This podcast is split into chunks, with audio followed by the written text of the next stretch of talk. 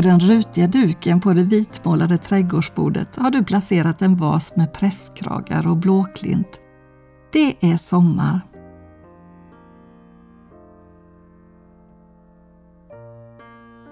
Minns du hur du som barn ryckte av de vita blombladen på prästkragsblomman samtidigt som du sa älskar, älskar inte, älskar, älskar inte.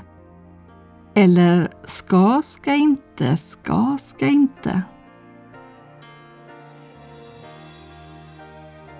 Det var det sista bladet som fick fälla avgörandet om hur saker och ting förhöll sig eller skulle bli. Det var en oförarglig lek där beslut fattades snabbt, lätt och okomplicerat. Och sen var det bara att kasta iväg den skamfilade blomman och så tänkte du inte mer på det. En del människor vill lyfta lite på skynket för att kika in i framtiden. Hur kommer det att bli? Kommer jag att förbli frisk? Eller kommer jag att drabbas av en allvarlig sjukdom? Kommer jag att vinna på Lotto? Hur gammal kommer jag att bli? Kommer jorden att gå under?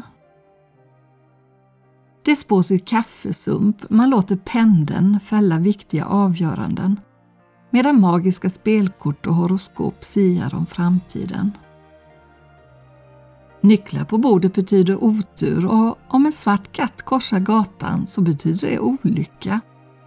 Spottar man tre gånger över axeln när katten har passerat menar man att katastrofen är avvärjd.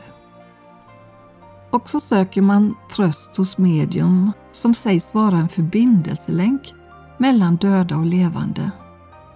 Och sinnesfrid uppnås genom att meditera över ett mantra på yogapasset.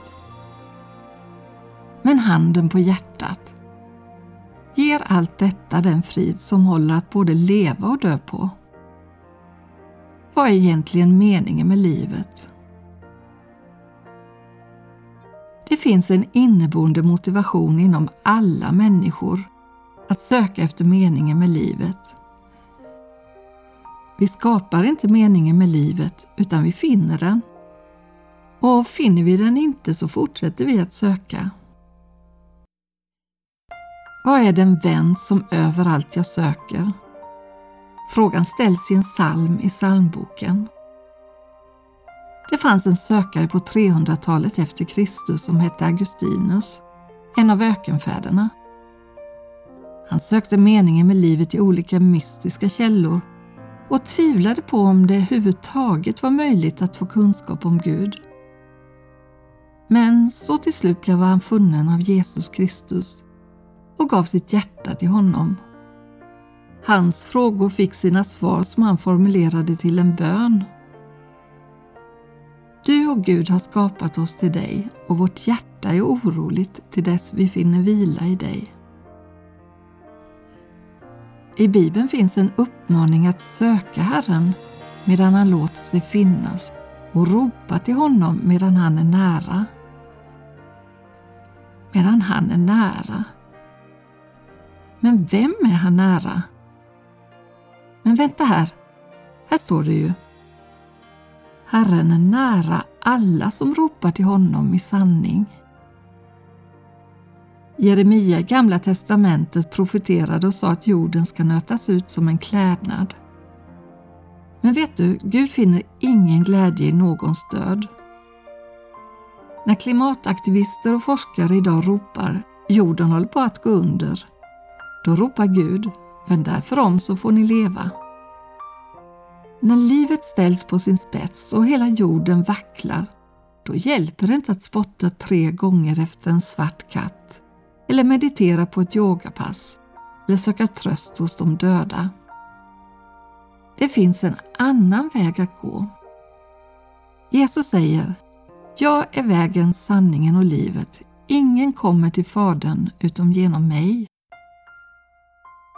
För vet du, inget ska kunna skilja dig från hans kärlek i Kristus Jesus. Och du, din stund på jorden är nu. Sök honom medan han låter sig finnas, för han är nära. I have a friend who loves me as I am. He is my Lord, my shepherd, I his lamb. Have a friend who wants the best for me. He knows my soul and sees all I can be.